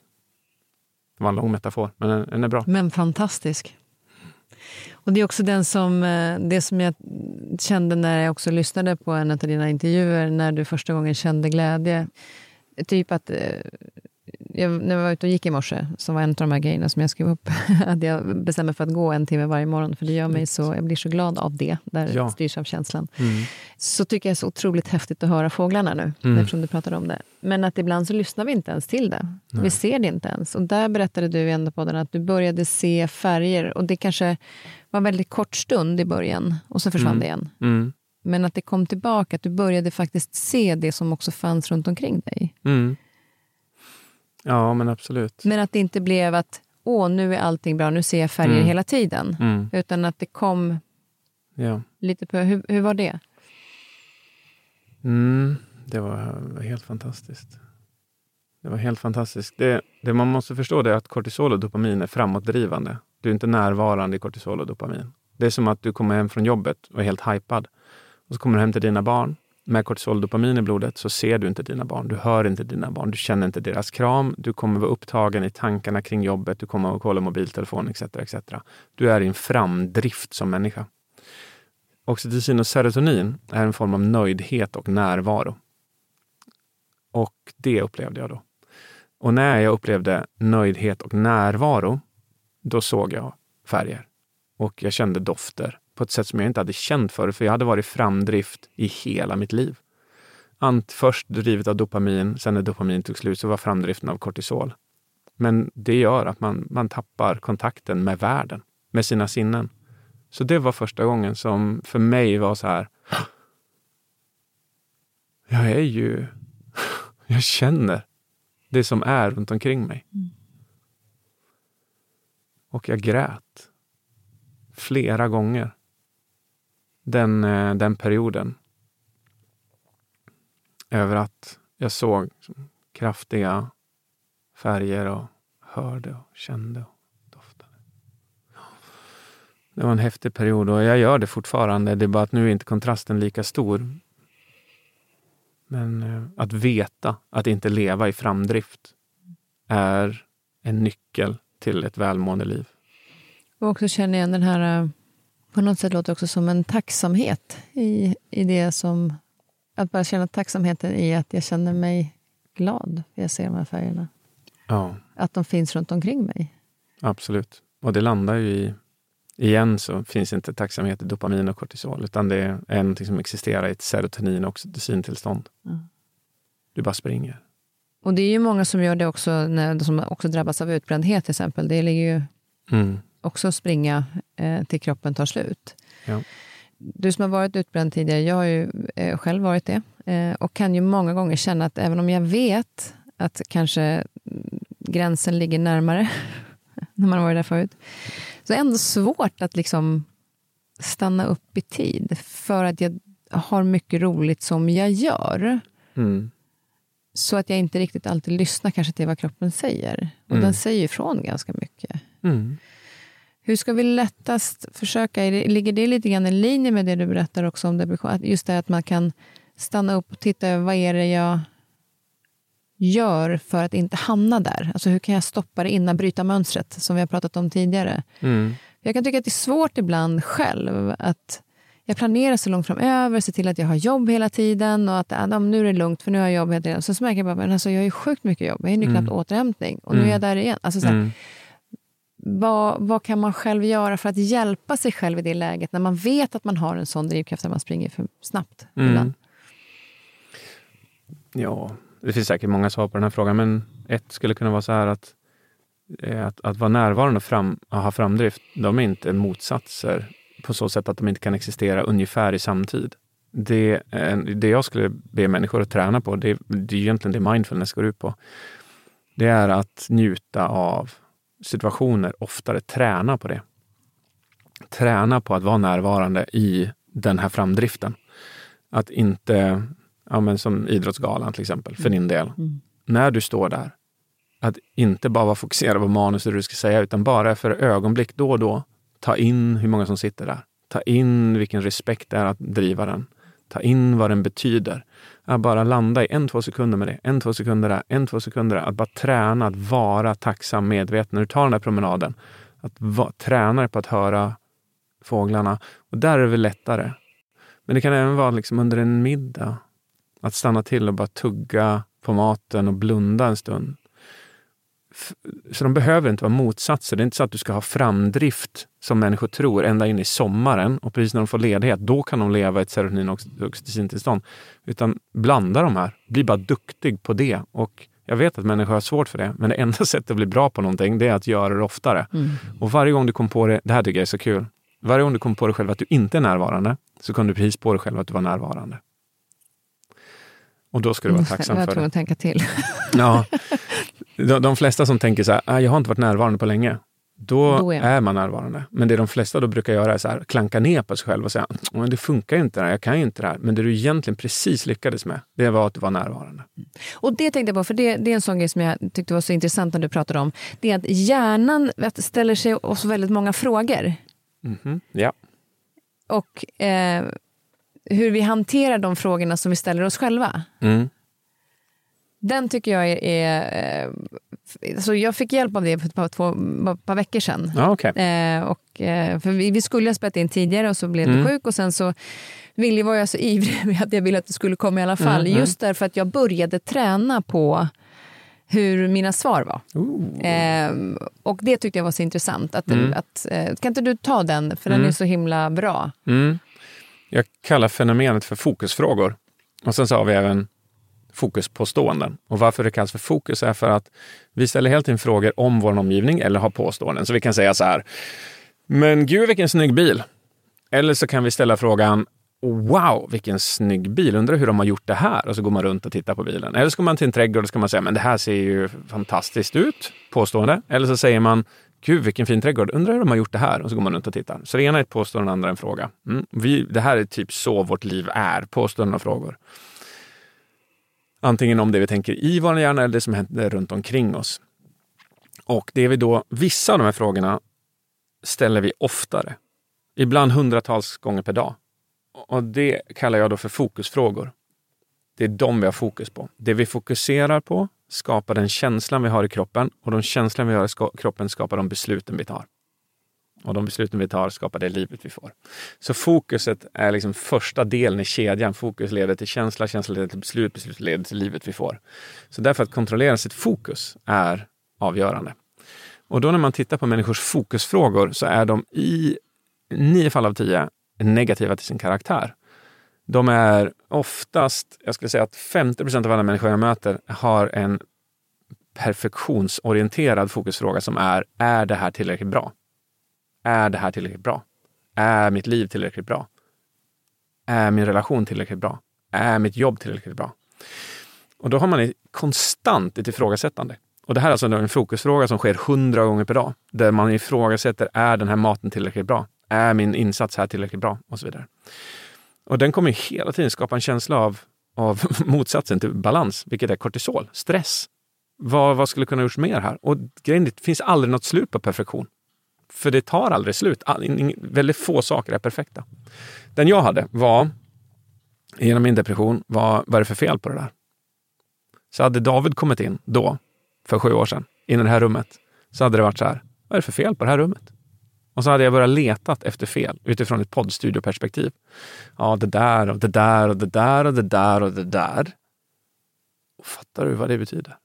En person som säger vad är det för fel på det där hundra gånger per dag, och det är en underdrift, gör egentligen som så att den tar fram en spruta med kortisol och injicerar den medvetet i sin skalle hundra gånger per dag.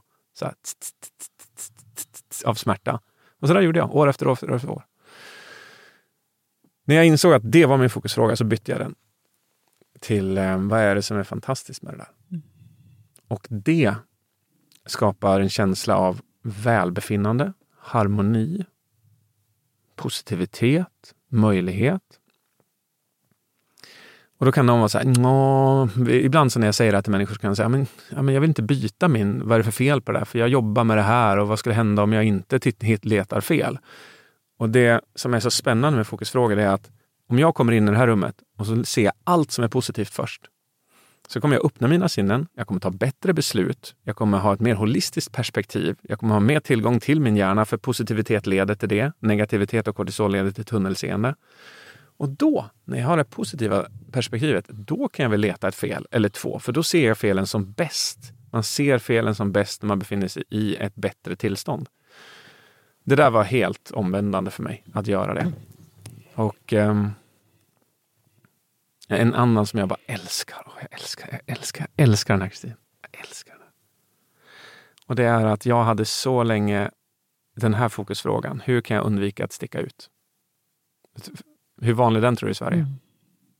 Hur kan jag undvika att sticka ut? Så när jag gick på när jag gick på trottoaren, Vasagatan, så bara, hur kan jag undvika att sticka ut? Jag går som alla andra går. Jag beter mig som alla andra gör. Jag nickar inte, jag tittar inte, jag hälsar inte. Jag beter mig som en zombie, ungefär som de flesta gör.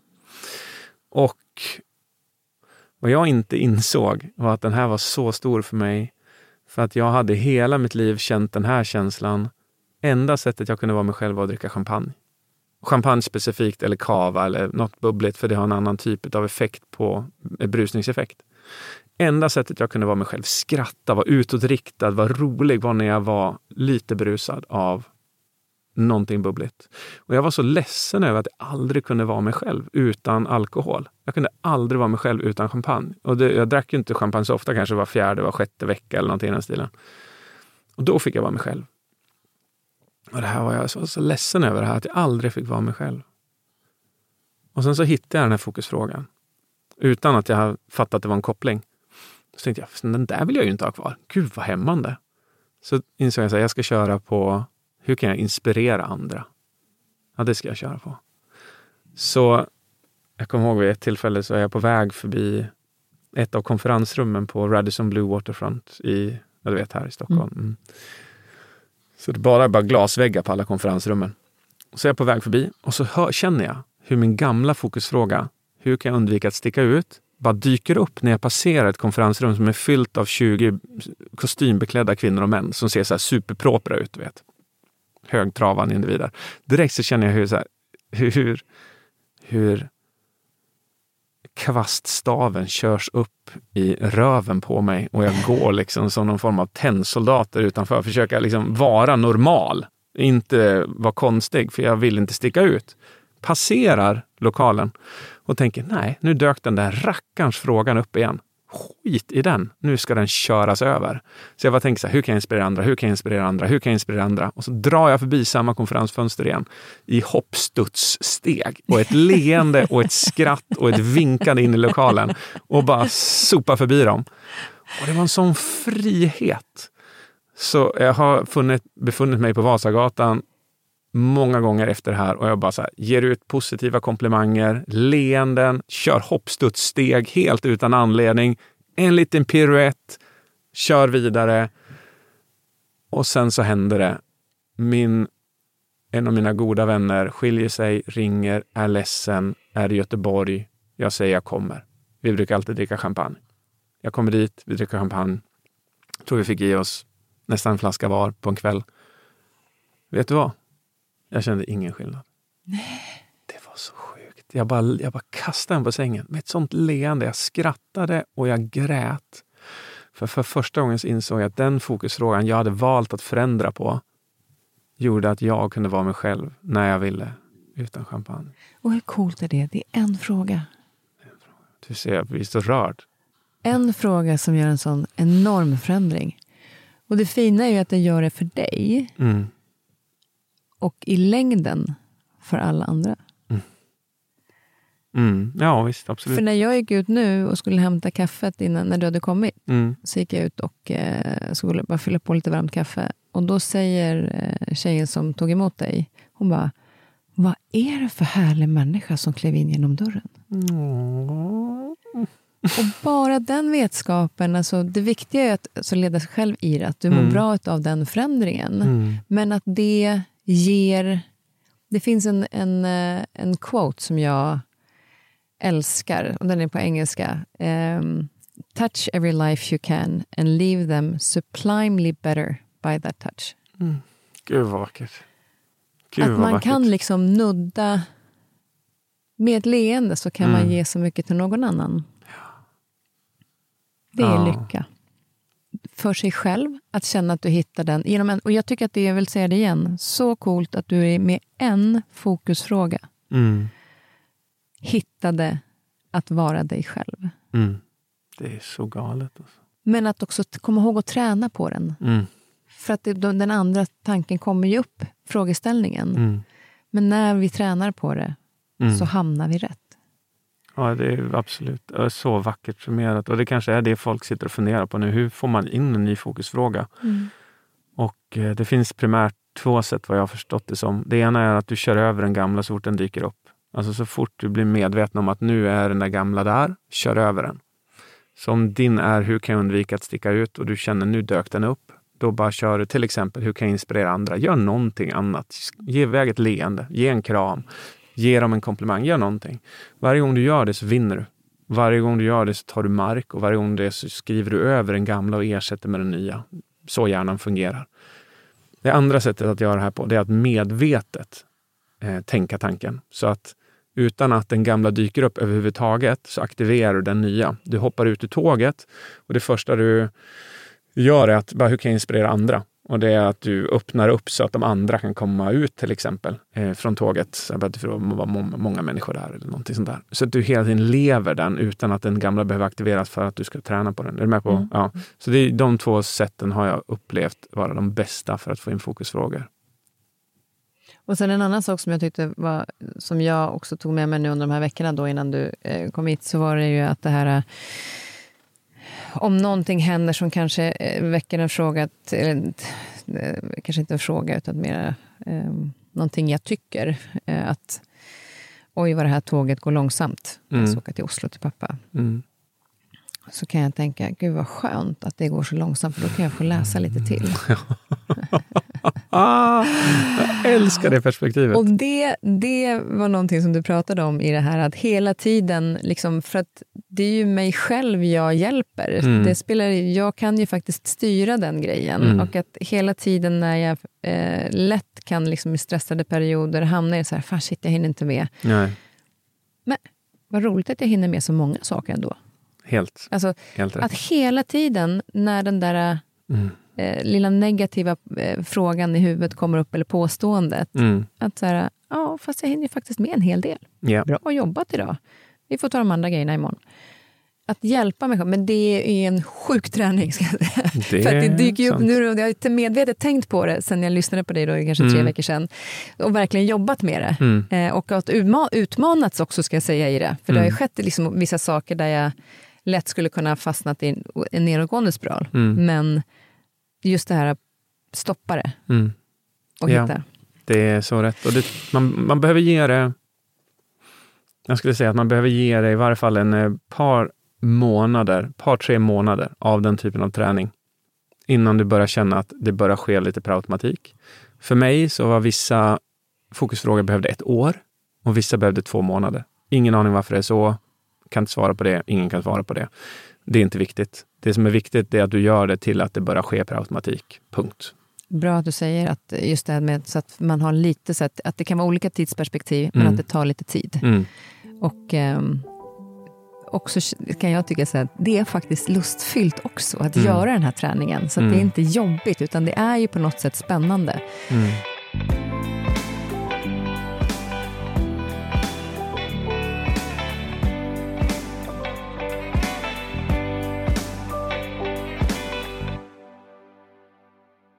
Så ser en träningen på det sättet. Du, alltså, eh, det är ju så fantastiskt att ha det här. Jag kan fortsätta ett tag till, men jag tänkte att vi ska... du, du kan komma tillbaka höst igen, eller Mm. framåt i julen Ja, när boken är, så vi. fortsätter vi att Mm. prata då. Jag bara snabbt bara, vad är du nyfiken på? Livet blir min, min, min automatiska grej. Jag bara älskar livet sen jag slapp min depression. Det är bara så magiskt. Det, det livet kom tillbaks på nytt och jag finns inte en chans att jag kommer tröttna på det.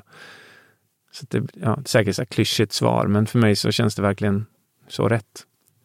Det finns en grej jag vill skicka med, så kanske om jag får bara göra en här Absolut, summering. jättegärna.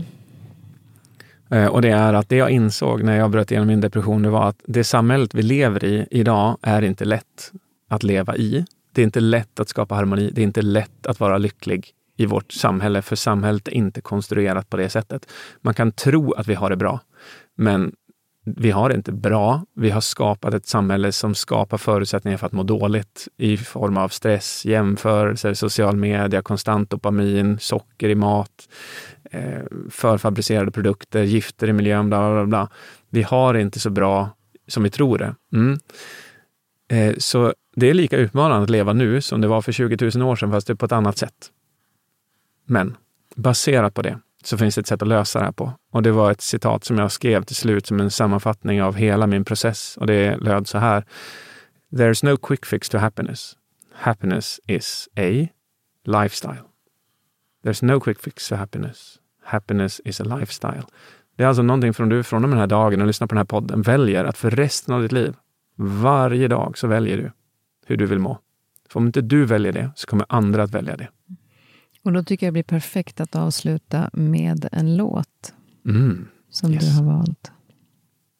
Och det är My Way My way. Oh med. Frank Sinatra. kommer jag gråta.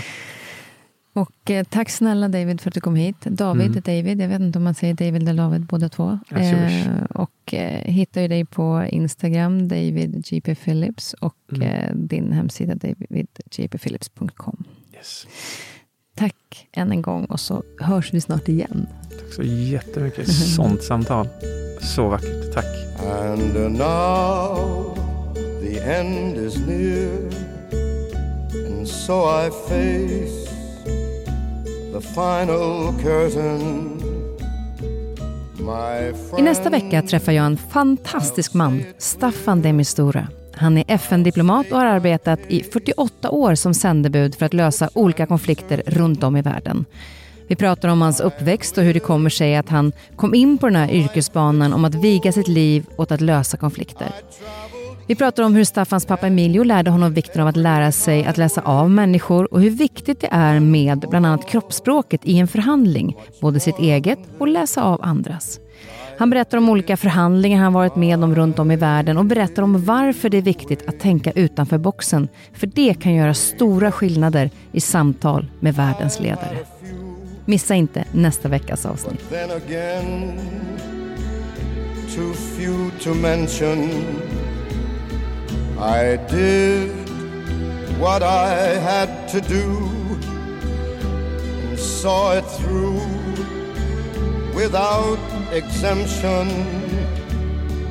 I planned each charted course, each careful step along the byway, and more, much more than this, I did it my way. Yes, there were times I'm sure you knew when I bit off more than I could chew. But through it all, when there was doubt,